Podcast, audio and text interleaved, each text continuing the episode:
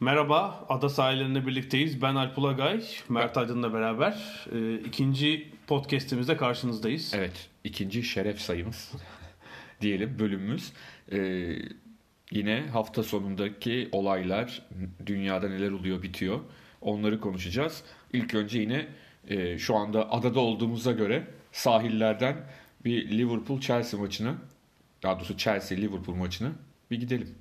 E, Premier Lig'le başlayalım. Haftanın flash maçı Chelsea-Liverpool maçıydı. Liverpool bu maç öncesinde hiç puan kaybetmemişti. Chelsea'nin de sadece bir beraberliği vardı. Bu yüzden liderlik el değiştirebilirdi maç öncesi. Liderlik el değiştirdi ama. Bu şekilde değişik. Yani geçen hafta esprisini yapmıştık. Evet, senin öngörün doğru çıktı Evet aslında. berabere kalırlar e, Manchester City gelir diye. Onlar da averajla e, liderliğe oturdular ama aslında ilginç bir maç oldu. Yani öne geçti Chelsea. Sonra 1-1 oldu ama sanki yine yani hani maçın sonunda benim aldığım ana fikir sanki yine Liverpool e, Chelsea'nin hala önündeymiş gibi geliyor. Yani Chelsea Oyun ve takım olarak. Evet evet Hı hı. öyle öyle düşünüyorum. Ya bu biraz da normal aslında. Tabii tabii normal. Yani Sarı geleli daha herhalde 3 ay olmadı takımın başında Tabii ki tabii ki tabii ki ama yani 3 aya rağmen gelişmeleri de yine müthiş. Onu da altını çizmek lazım. Yani küçümsemek için söylemedim. Yani bir aslında Yani Sturridge'in o e, hakikaten gol olmasa. da. acayip golü olmasa e, maçı kazanıyorlardı. Yani ondan sonra biz istediğimiz kadar Liverpool daha iyi diyelim. Ne fark eder yani Chelsea kazanmış olacaktı. Chelsea'nin oyun tarzını hani Conte'den sonra bayağı değiştirmiş oldu. Şu an Tabii. e, Manchester City ile beraber işte ligin topa en çok sahip olan, en fazla pas yapan takımı konumunda. Orada kilit isim de Jorginho. Evet. O geçen seneki aslında Kante'nin pozisyonuna geçti gibi. Şu an Premier Lig'in maç başına en fazla başarılı pas yapan oyuncusu Jorginho. Evet ve de e, yani değeri çok ciddi şekilde artacak diye düşünüyorum. Yani bir süre sonra eğer böyle devam ederse tabii ki e, o istikrarlı bir şekilde çünkü Brezilyalı oyuncularda o Güney Amerikalı oyuncularda hep bir soru işareti vardır ya böyle gider mi, mi? diye. Eğer o istikrar sürerse e, hani Jorginho'nun adının böyle İspanya'da daha üst taraflarda birileri tarafından e, telaffuz edildiğini görebiliriz ilerleyen zamanda diye düşünüyorum. İsim vermeyin Çimler tarafından. Ya da Çünkü hele hele o ismi e, geçebilecek takımlar bu seneki gibi e, sezonu de, e, girişleri gibi sezonu bu şekilde devam ettirmeye kalkarlarsa beraberliklerle puan kayıplarıyla e, Jorginho'nun adını daha bile önce e, duyabiliriz yani. ya da Chelsea tepeye çıkarıp orada tutacak yani. Ya, ya O da ya da ya da öyle bir şey olacak ama şunu söyleyelim. e, Liverpool puan kaybına ve hatta beraberliği son dakikada kurtarmasına rağmen bence sınıfı geçti. Oyun olarak ki şunun da altını çizmek gerekiyor. E, geçen yıl bu takımın en büyük gücü tartışmasız Muhammed Salah'tı. Muhammed Salah şu anda e, başka biri gibi oynuyor. Ya Ya- Geçen seneki Salah'ın yanında yerler esiyor şu an. aslında gol sayısı olarak çok farklı değil geçen senenin Ama bu etki kadar olarak. ama oyuna etkisi anlamında düştü. Yani mesela maçın ba- ilk yarısında üst üste benzer pozisyonları var yayın üzerinde. Birinde inan- e, önünü birazcık tabii Chelsea'li oyuncu kapattı. E, çok zayıf bir vuruş yaptı. Öbüründe de e, şeye gönderdi topu. Ne derler?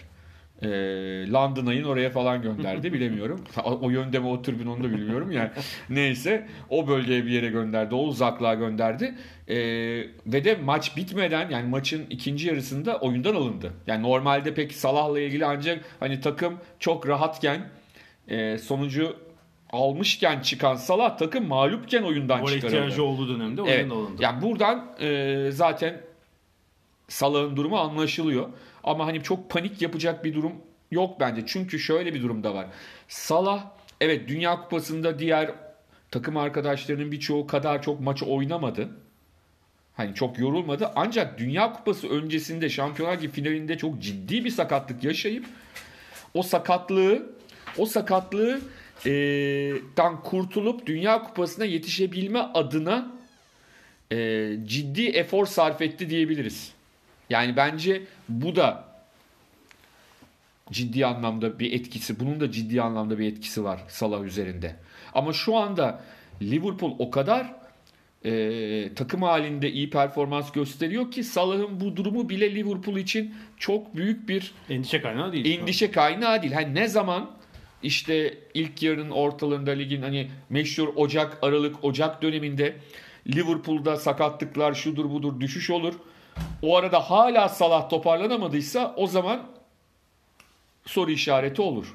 Ama şu anda idare edebiliyorlar Salah'ın bu durumunu. Buna karşılık Chelsea'de Eden Hazard'ın müthiş bir formu var. Yani- hafta içi e, lig kupasında e, efsane bir gol attı Evet. e, Liverpool'a. E, hafta sonu lig maçında attı ve şu andaki form durumuyla herhalde Premier Lig'in sezon başındaki en değerli oyuncusu diyebiliriz. Zaten rakamlar da bunu gösteriyor. Yani geçen sezon ve bu sezon aslında çok büyük fark yok. E, en fazla başarılı çalım yapan, en fazla gol şansı yaratan bütün bu kategorilerde birinci Aslında durumda. hatırla Chelsea'nin şampiyonluğunda e, Mourinho ile şampiyonluğunda diyeyim. Hı hı. Mourinho ile şampiyonluğu sırasında Mourinho'nun ikinci döneminden tabii evet bahsediyorum. evet herkes Eden Hazard'ın e, işte Ronaldo, Messi o zaman Mbappe falan yoktu. Ronaldo ve Messi'yi yakalayabilecek adam olabileceği konuşuluyordu. Evet Ronaldo, Messi belki Neymar arttaki dördüncü, beşinci değil mi? Yani ya onlara Hazard, araya evet. girebilecek Evet. adam Hazard'ı ama sonra bir düşüş yaşadı. İşte Mourinho'nun ik- ikinci sezonunda doğal olarak e, işte tartışmalar, kavgalar, dövüşler yeniden geçen sezonun bir kısmından itibaren diyelim yeniden biz Hazard'ı o seviyede görmeye başladık. Biraz yaşla olgunlaştıkça herhalde e, Belçika milli takımında da tabii böyle. Tabii Orada ki. verilen sorumluluğun karşılığını Ve çok de iyi Dünya. Yani Kupası- çok kendine özgüveni. Evet yani Dünya Kupası'ndaki üçüncülük de bence özgüvenlerini Belçikalı futbolcuların bence ekstra. Hazar'ın da ekstra arttırdı diye düşünüyorum. İlk defa çünkü orada Belçika ilk defa bir turnuvada hedeflediğini yaptı. Evet, Hani ikinci tur çeyrek final değil yarı final ve Ve Brezilya'yı eleyerek yarı Brezilya'yı final yani herhangi bir yer değil. yarı yani. finalde aslında kendileri hani haksız olduğunu düşünüyorlar oyun olarak. Kıl payı eğlendiği bir yarı final var. Evet evet. Ondan İngiltere'yi iki kez yendikleri bir turnuva var. Yani o yüzden de e, Eden Hazard eğer o bundan 3-4 yıl önce yaşadığı duraksamayı yaşamazsa hani demin Jorginho bilmem dedik ama Eden Hazard daha çabuk e, belki Premier Lig dünyanın en çok izlenen hakikaten en keyif veren ligi ama hala dünyanın en popüler iki kulübü Real Madrid ve Barcelona. Yani en çok en üstte Şampiyonlar Ligi'ni kazansalar da kazanmasalar da ki yani Real Madrid hep kazanıyor artık. ee, Eden Hazard'ın oralardan talep görmeye başlaması ki bence görüyor şu anda da yani daha da e, bunun yüksek sesle telaffuz edilmesi mümkün olacak. Çünkü e, şimdi Messi de 31 yaşına geldi. Messi de işte yavaş yavaş yaşlanacak. İşte şey gitti zaten Cristiano Ronaldo. Yani yavaş yavaş e, oralarda belki de La Liga kendisi böyle bir oyuncuyu artık iyice talep etmeye başlayacak. Yani belki evet geç kalmadan şu an yaşına bakıyorum. Ocak'ta 28 olacak Hazar. Ee, Ama ben şuna da inanıyorum. Talebi yapmaları lazım. Evet lazım ama şöyle bir şey var. Yani hakikaten artık e, bizim gençliğimizde çocukluğumuzdaki gibi değil. Yani 31-32 yaşta çok aslında ben e, Messi yaşlanıyor dedim ama oyuncular o kadar zeki ki bu tip oyuncular. Yani Cristiano Ronaldo'nun geçen yıl kendisi nasıl stand-by aldığını gördük ya. Yani baktığında yine bilmem kaç tane gol atmış görünüyor. Tabii Ama yarısında dinlendi. Oyun oyun oyun e, oyunu oynama tarzını değiştirdi Cristiano Ronaldo. Golcüye çevirdi kendisini. Yani eskiden de o kadar gol atıyordu ama o zaman hem takımın en önemli oyunu yönlendirme silahıydı hem golcüsüydü. Sonrasında sırf golcülüğe bazı maçlarda o yönlendiriciliğe döndü. Biraz daha oyuncular o kendilerini ekonomik olarak ayarlamayı biliyorlar. E, tahmin ediyorum yani Hazard'da e, sakatlık falan olmazsa 34'e 35'i verimli bir şekilde bulabilir. Ama eğer bir sıçrama yapacaksa gelecek yaz, yani gelecek yaz 28 yaş E, artık tabii, tam tabii, şey ideal, yapması ideal. gereken yani bu formüle tabii Ha, Chelsea'de yapamaz mı? Chelsea'de kalıp olabilir Tabii, tabii, evet. ki. Yani hani böyle derken sanki Chelsea'de Burnley'miş gibi davranmayalım yani. şey muhabbeti oldu ya zaten 40 gol muhabbeti. 40 gol atar mı? Yani lig- ligde değil sezonun bütününde Evet. resmi maçlarda 40 gol. Sarri de sanıyorum orada biraz gaz veriyor Hazar'a. bir 40 gol hedefi Ama de bir de şey çok hoşuma gitti. Maçtan önce hani şimdi İngiltere'de evet çok centilmence bir ortam var. Teknik direktörler, menajerler sarılırlar. İşte maçtan önce şarap içerler, şampanya içerler falan ama Sarri ile Klopp o kadar aslında eee kendilerine as iki adam yani hakikaten hararetli bir şekilde sarıldılar maçtan önce. Yani hakikaten bence eee, özel konuşsak ikisi de birbirine hayran olabilir. Farklı oyun ekollerinden gelmelerine rağmen. Çünkü ikisi de hiçbir zaman böyle büyük futbolcular falan olmadılar. Hani tak- futbolcu değil zaten. değil zaten. Hani kulübünde futbolculuğu orta yer, evet. soru işaretli yani. E, altı bir oyuncu. hay- hayat hikayesini okuyorsun. 4 gol attığı ve herkesin inanılmaz dediği maç da var Mainz'de oynarken ama ya bu adamın hala nasıl futbol oynadığına inanamıyoruz denildiği dönemleri de var kulübün futbol hayatının ve hep ikinci ligde geçmiş. O yüzden hani ikisi de hiçbir zaman e, öyle değiller ve kendi kendilerine çok acayip bir şey yaratmışlar, du- yaratmış durumdalar. Acayip bir ortam yaratmış durumdalar. E, o yüzden de hani ben çok samimi buldum o şeylerini. E, Kucaklaşmaları. Kucak yani çünkü bir de bazen şey oluyor yani iki Arjantinli oluyor zaten milli takımda oynamışlar bilmem nerede oynamışlar onlar normal de bunlar sonuçta çok farklı iki ekolden gelmiş iki tane e, teknik adam ama hani yaş olarak değil ama zihin olarak genç iki teknik adam diyelim hani Sarri de genç değil Klopp da genç değil ikisi de artık 50'lerini bulmuş durumdalar ama zihin olarak belki e, Oyuna getirdikleri yenilikler, yenilikler olarak gençler şey, yani. zihin evet Şöyle karşılaştırmak lazım. Ee, herhalde Sarri Mourinho'dan büyük galiba değil mi yaş olarak? Olabilir. Ama yani Mourinho'nun oyun tarzının ve bütün E, ona geçelim istersen hemen Jose'ye de geçelim. yaşlandığını görüyoruz. Mourinho'nun kendisi yaşlanmamış olabilir Ki ama şöyle bir şey yaşlandı. Evet şöyle bir şey var. Sadece Mourinho yaşlanmadı. Mourinho'da ben bir tembellik oluştuğunu düşünüyorum. Bu tembellik de şu. Nasıl olsa benim yaptığım formül işe yarıyor tembelliği. Yani e, çünkü Mourinho eskiden bu kadar böyle şu anlamda böyle değildi. Evet kendine has ve insanları rakiplerini sıkacak bir oyun formülü vardı. Özellikle kendinden güçlü rakiplere karşı sıkıntı verecek.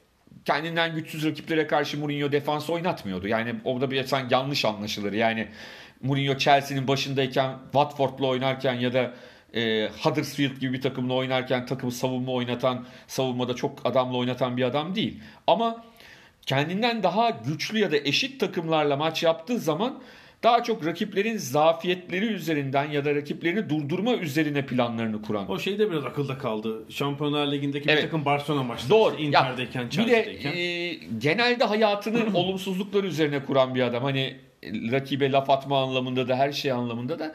Ama bütün bu formüller artık geçerliğini yitirmeye başladı. Çünkü artık şöyleydi çünkü.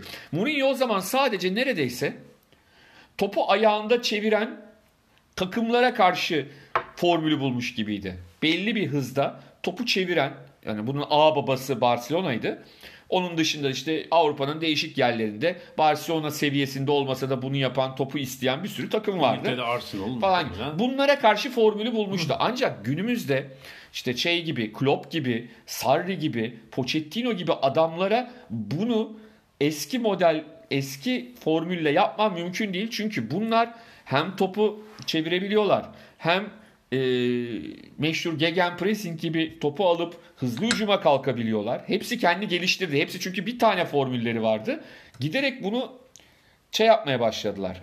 E, çeşitlendirmeye başladılar. Guardiola'yı düşünelim. Şimdi Barcelona'dayken değil mi rakibi ceza sahasına kapatıp boğan Evet. bir oyun var ama şimdi City'de mesela geçiş oyunu müthiş etkili. Tabii yani işte onlar hepsi bir şekilde tek formülden çıkıp formüllerini genişlettiler. Öyle söyleyeyim. E, portföylerini genişlettiler. Böyle olunca da e, Mourinho'nun sadece şey olmaya başladı. Yani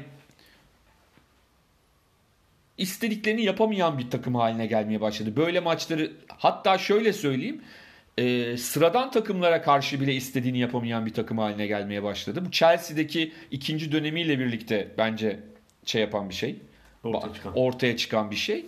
Ondan sonra e, o yüzden de ve de Mourinho hakikaten sinirlendiği zaman bu çok belli ediyor.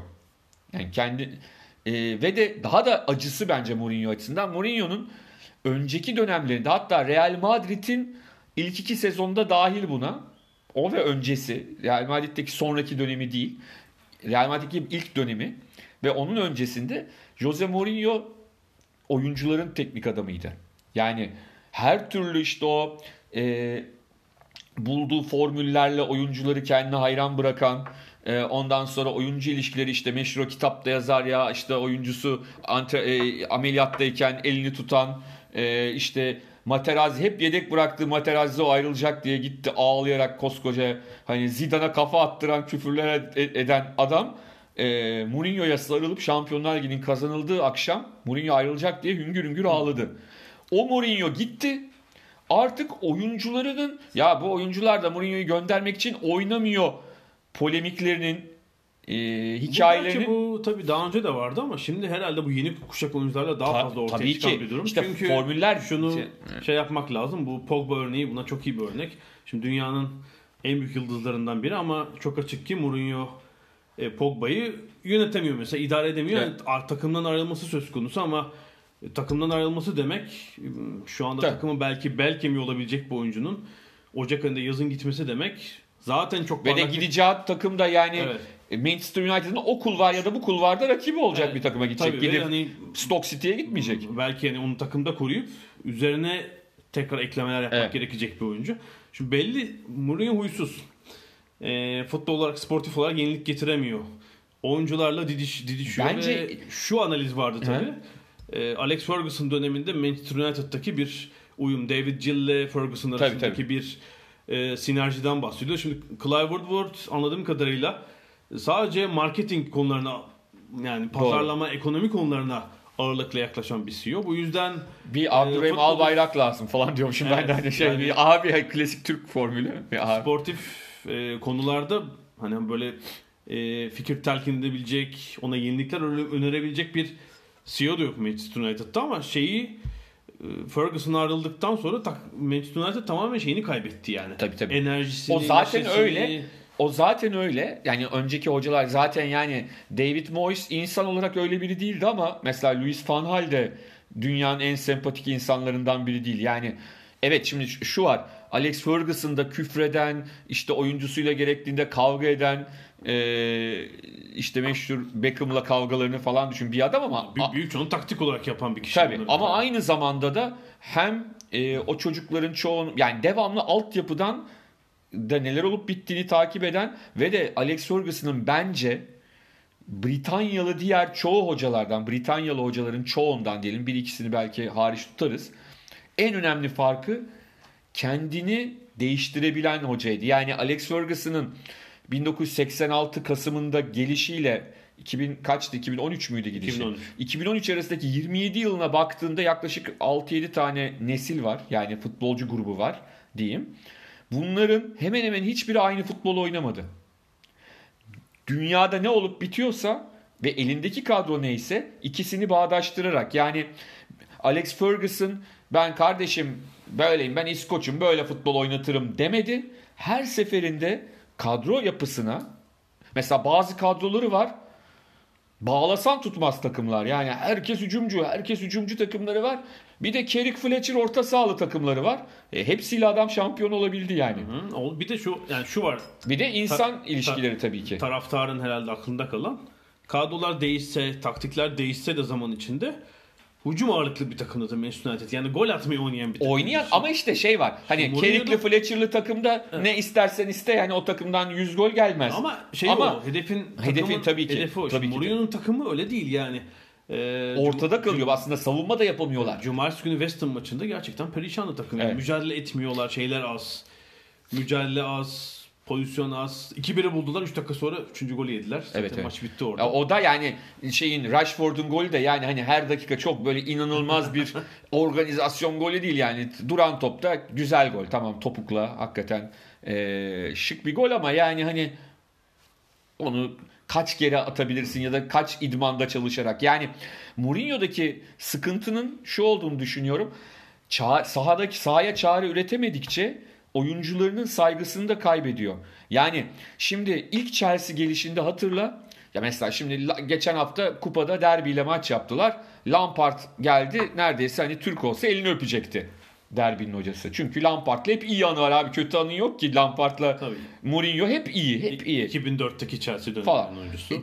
Çünkü o şey diye görüyor Mourinho'yu. Abi büyücü yani işte Barcelona ile oynuyorsun öyle oynatıyor. Bilmem neyle oynatıyorsun böyle oynatıyor. Anlatabildim mi? Şimdi şimdi oyuncusunu ikna edemiyor ki. Oyuncunu ikna etmediğin zaman oyuncu sana saygı duymuyor. Bir de senin söylediğin gibi nesil değişti. Şimdi işte hip hop dinleyen sen yanlış anlaşılmasın. Hip hop dinleyenler saygısız olur anlamında değil. yanlış e, anlaşılmasın ama farklı bir nesil Yani var. Pogba'nın Tabletle- e, sosyal medyada 30 milyon takipçisi gibi. var şimdi. Şimdi güç var elinde. farklı yani Lampard da çok popülerdi, Drogba da çok popülerdi ama yine de bunlar eğitimlerini altyapı eğitimlerini futbolun ve teknik direktör olan saygının bambaşka olduğu dönemlerde. Bir de yani Frank Lampard'ın babası Frank Lampard Senior da teknik adam. Dayısı Harry Redknapp da teknik adam. Yani hani zaten nasıl bakılacağını, teknik adamına nasıl görüşeceğini biliyor. İşte John Terry'ler falan hepsi bayılıyorlardı Mourinho'ya haklı olarak. İşte Materazzi niye bayılıyordu? Abi bu hoca geliyor. Barcelona'nın o haliyle biz Barcelona'yı eliyoruz yani. Anlatabildim mi? Şimdi bu ol- olduğu zaman takım saygı gösterdiğinde e, Mourinho'nun da iyi yüzü var. Yani sonuçta Mourinho da hayatı boyunca herkese huysuzluk yapan bir adam değil. Onu biraz şov olsun diye de yapıyor şeyde. Ekran yani şey kameralar karşısında. E ne oluyor? Bu sefer o saygı gidince şimdiki gençler de biraz daha farklı bakıyorlar. O zaman da şey de kontrolünü kaybediyor. Onu da yaşlandıkça insanın çünkü sabrı da biraz daha azalabiliyor. Mourinho'yu fazla konuştuk. İstersen biraz daha Yani bir son buraya Evet, şey son söylemem ekle. lazım. Artık bu sadece futbol olarak bakmamak lazım. Tabii bu futbolda İngiliz takımları bu işi bir business haline getirdi. Bir Amerikan modeline e, benzettiler adeta. E, tamamen bir Manchester United'ın pazarlama gücüyle e, sportif konum arasında acayip bir uyumsuzluk var. Şimdi en son Doğru. geçen hafta bilanço açıkladı Manchester United.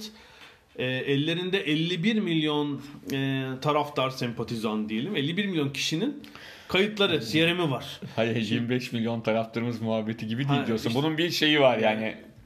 Türkiye'yle bir kıyaslama yaparsak bence Türkiye'de herhalde herhangi bir kulübün elinde 500 binlik bir kayıt yoktur. Yok. yani. Ayrıca ben şunu söyleyeyim. Hı. Hani bana kızacaklar ama ben hiçbir kulübün 25 milyon taraftarı olduğuna da inanmıyorum. Bu da ayrıca söyleyeyim çünkü Ya e, dünya üzerindeki Türklerin Hı. dünya üzerindeki Türklerin tamamı bir kere futbolla ilgilenmiyor. O bir zaten de. Ya bir de o hani taraftar demek çok şey. Hani Tabii. Sempatizan belki olabilir de o Ha, bir de 25 25 25 topla 75 etti. E, geri kalanların yok mu? Trabzonspor taraftarı yok mu? Bursa, Eskişehir hani E, zaten- sırf o takımları tutan insanlar var bu ülkede. Yo, şeye göre anketlere göre zaten %30 takım tutmuyor Türkiye'de. Ha yani hani. Onun için ya o, nüfus. ay o ilk başta Türkiye'nin nüfusu farkken 15 milyonla mı başlamıştık? Tabii 15, 20, 20, 25, 25'e 25'e 30'a gidiyor yani.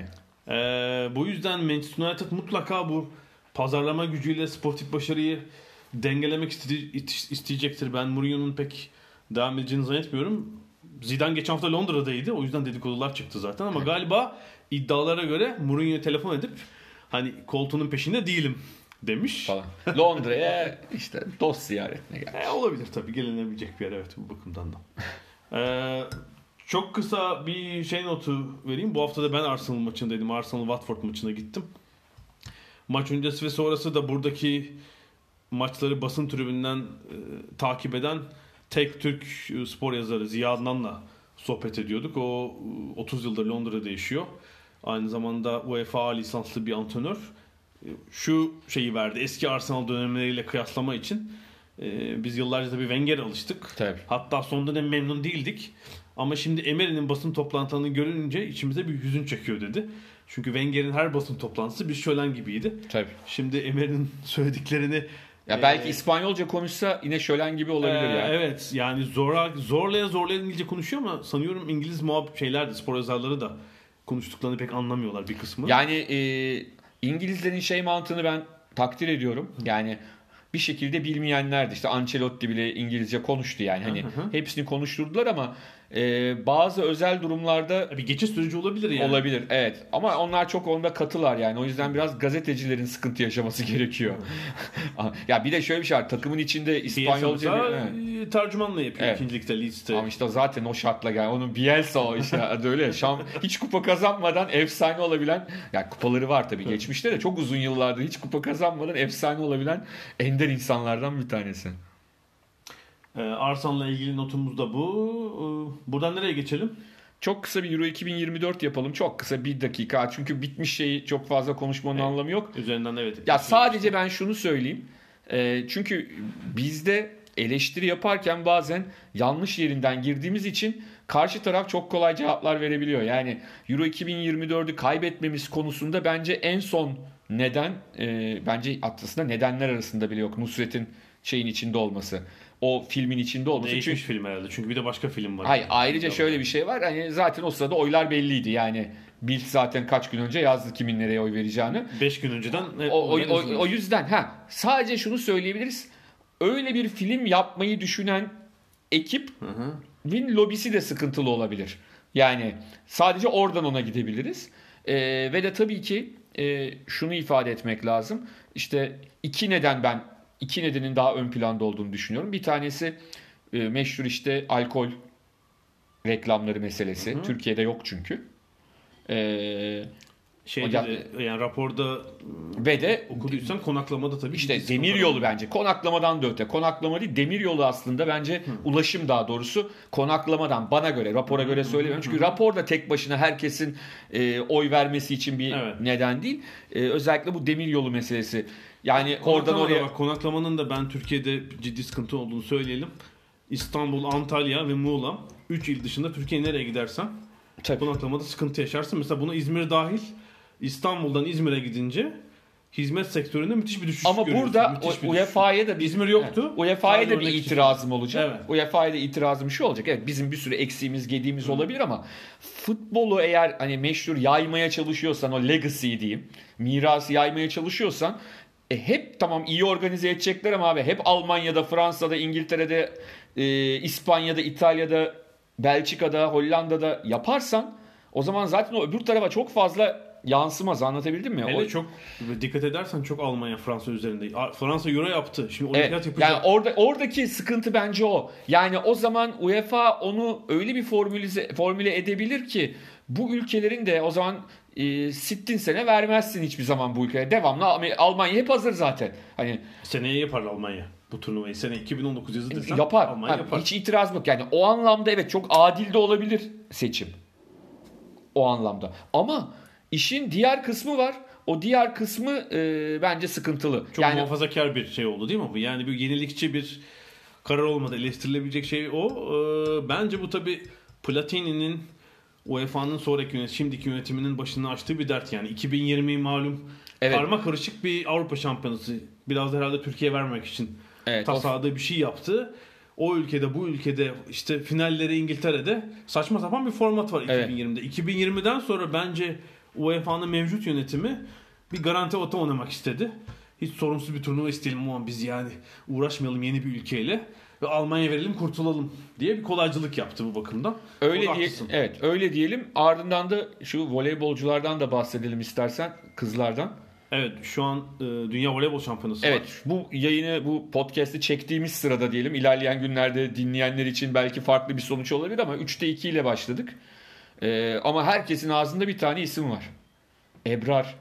Yani takımda çok tecrübeli, çok iyi oyuncular var. Aslında Türkiye için çok bir anlamda sancılı bir turnuva. Çünkü hani Bir kuşak e, değişimi var. değişimi var. Naz da hamile. Evet yani, Yani o oradan dolayı e, yaşı sebebiyle aslında henüz 28 yaşında olan milli takımın 10 yıllık pasörü Nazay Demir e, hamilelik sebebiyle ara verdi spora. ara verdi ve dünya şampiyonası oynuyorsunuz. Ha şu var yani hani Guidetti varsa takımın başında e, arkana yaslan seyret derler ya biraz hani ona da güveniyoruz ama e, işte Eda var en tecrübeli. Eda Erdem var. Evet, E, zaten 30 yaş civarı ve üstü 2 oyuncu var sadece. Evet, evet.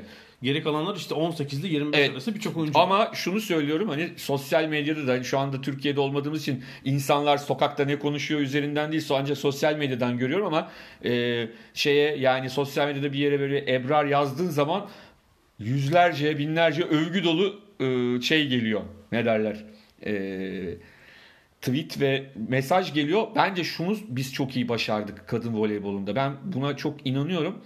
E, Türkiye'de hakikaten hakikaten kızlar kadınlar kategorisinde kızlarda ailelerin birinci tercihi voleybol. Yani başka hiçbir spor değil çok voleybol. yıllardır böyle. Bu 40 yıldır böyle tabii yeni bir şey değil. Ama şeyden sonra bu arttı. 2003'teki 2003'ten sonra iki katına çıktı belki Ee, de. yok aslında kadın basketbol tabii zayıftı 70'lerde 80'lerde. Evet. O zamandan gelen bir gelenek var. Var ve bu arttı ama çünkü ne oldu?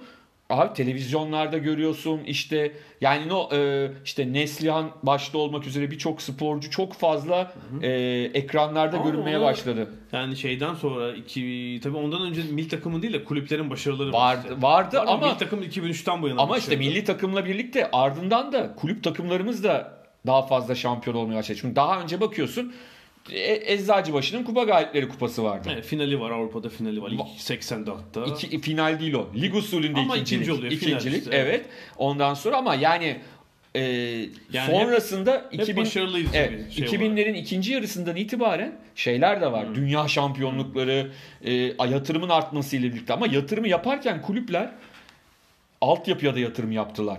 Federasyon altyapıya da yatırım yaptı. Bu çok önemli Ama şey. orada bak kilit bir nokta var. Ee, Voleybol Federasyonu'nun bir direnmesiyle. Şimdi basketbol futboldan farklı olarak başka bir yabancı kontenjanın sınırlaması var. Ben mesela şu an basketboldaki ve futboldaki e, kontenjan yabancı e, oyuncu uygulamasının milli takımlara zararlı olduğu kanaatindeyim olacağı. Voleybolda çok iyi bir denge var. 3 yabancı oynatabiliyorsunuz. Yani takımın iyi Türk oyuncularınız yoksa Türkiye Ligi'nde başarılı olamaz. Şampiyon E olamazsınız. tabi zaten baktığın zaman milli takımdaki sporcular belli, oynadıkları kulüpler de belli zaten. Ve de e, Diğer takımlardan da Tabii. oyuncu var. Yani voleybolun şöyle bir özelliği var. Voleybolda siz bir seti farklı bir altıyla, diğer seti farklı bir altıyla oynayabilirsiniz. Ve de eğer kadronuz çok homojense, kalite farkı çok aşırı derecede değilse zaten o takım siler süpürür. Ve de tekrar söyleyeyim bunlar olurken kulüplerin altyapıları da ya biz nasıl olsa Amerika'nın en iyi oyuncusunu alabiliyoruz. İşte futbol ve basketboldaki fiyatlar konuşulmuyor voleybolda. İşte dünyanın e, en iyi oyuncularından biri Kim Jong Kim yıllarca Türkiye'de oynayabildi. Ama müthiş. Dünyanın en büyük maaşını alıyor Türkiye'de tabii. Onu- Ama işte o dünyadaki en büyük maaş dediğin şey aslında e, diğer şeylerle çok Ee, basketboldaki maaşlar civarında. e, civarında ama işte o en yükseğinden bahsediyorsun sen. Yani en Ama diğer oyuncular da yani Türkiye'deki kadın voleybolcuların e, en Abi- yüksek ücret veriliyor ve erkek basketboluna yakın ücretler var. Ama bahsettiğin en üstteki oyunculardan bahsediyorum ben. Bahsediyorsun. Onun dışında genel olarak voleybol daha az şeyli bir spor. Eğer normal bir takım kuruyorsan tamam yani Avrupa şampiyonluğunu oynuyorsan tabii ki para harcıyorsun da. Ya Daha tepedeki ama 3 takım yıllar Evet çok tabii tabii ama harcıyor. diğer ama sadece oraya para harcamıyorlar işte. Bugün hepsinin çok iyi altyapıları var. Yani bunun da nedeni bu altyapılara talep var. Altyapıya talep olmazsa sen onu kurmazsın zaten. Yani altyapıya talep var bunlarda ve çok iyi yetiştiriciler var. Bence esas futboldan en büyük farkı o herhalde. Ya futbolda altyapıya talep yok mu? Bence daha fazla vardır Var, ama futboldaki farklı bir durum var. Futbolda futbolu başka türlü incelemek lazım. Futbolda talep yüksek. Ben kızlar açısından Ha, ama söylüyorum. oynama fırsatları da var işte. Şey. Var, var, yani var. Başarılı oluyorlar, oynayabiliyorlar. Bir de şöyle bir yetiştiriyor. şöyle bir avantajları var onu kabul etmek gerekiyor. Ee, bir yazda e, milli takımların aynı anda 3 turnuvada falan oynaması gerekebiliyor. Böyle olduğu zaman da e, gençler gidip A milli takım olarak çok genç bir takımla çok fazla tecrübe kazanabiliyorsunuz. Ve federasyon bence yıllardır başkanları kim olursa olsun değiştikçe bile bu organizasyonu iyi yapıyor bence.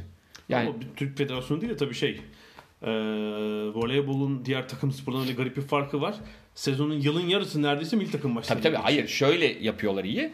Yani sen oraya oyuncu yetiştiremezsen bir anlamı yok. O organizasyon bir ara biliyorsun hala öyle bilmiyorum. İkinci ligde bir tane takımı vardı federasyonun. Yani kızları, oyn- genç milli takım oyuncuları orada tecrübe kazanıyorlardı. Çünkü ne kadar iyi olursan ol süper bir voleybolcu ol ama fiziksel yani sen 16 yaşındayken 20 yaşındaki e, senden daha iyi olmayan bir oyuncuyla fiziksel farkın oluyor.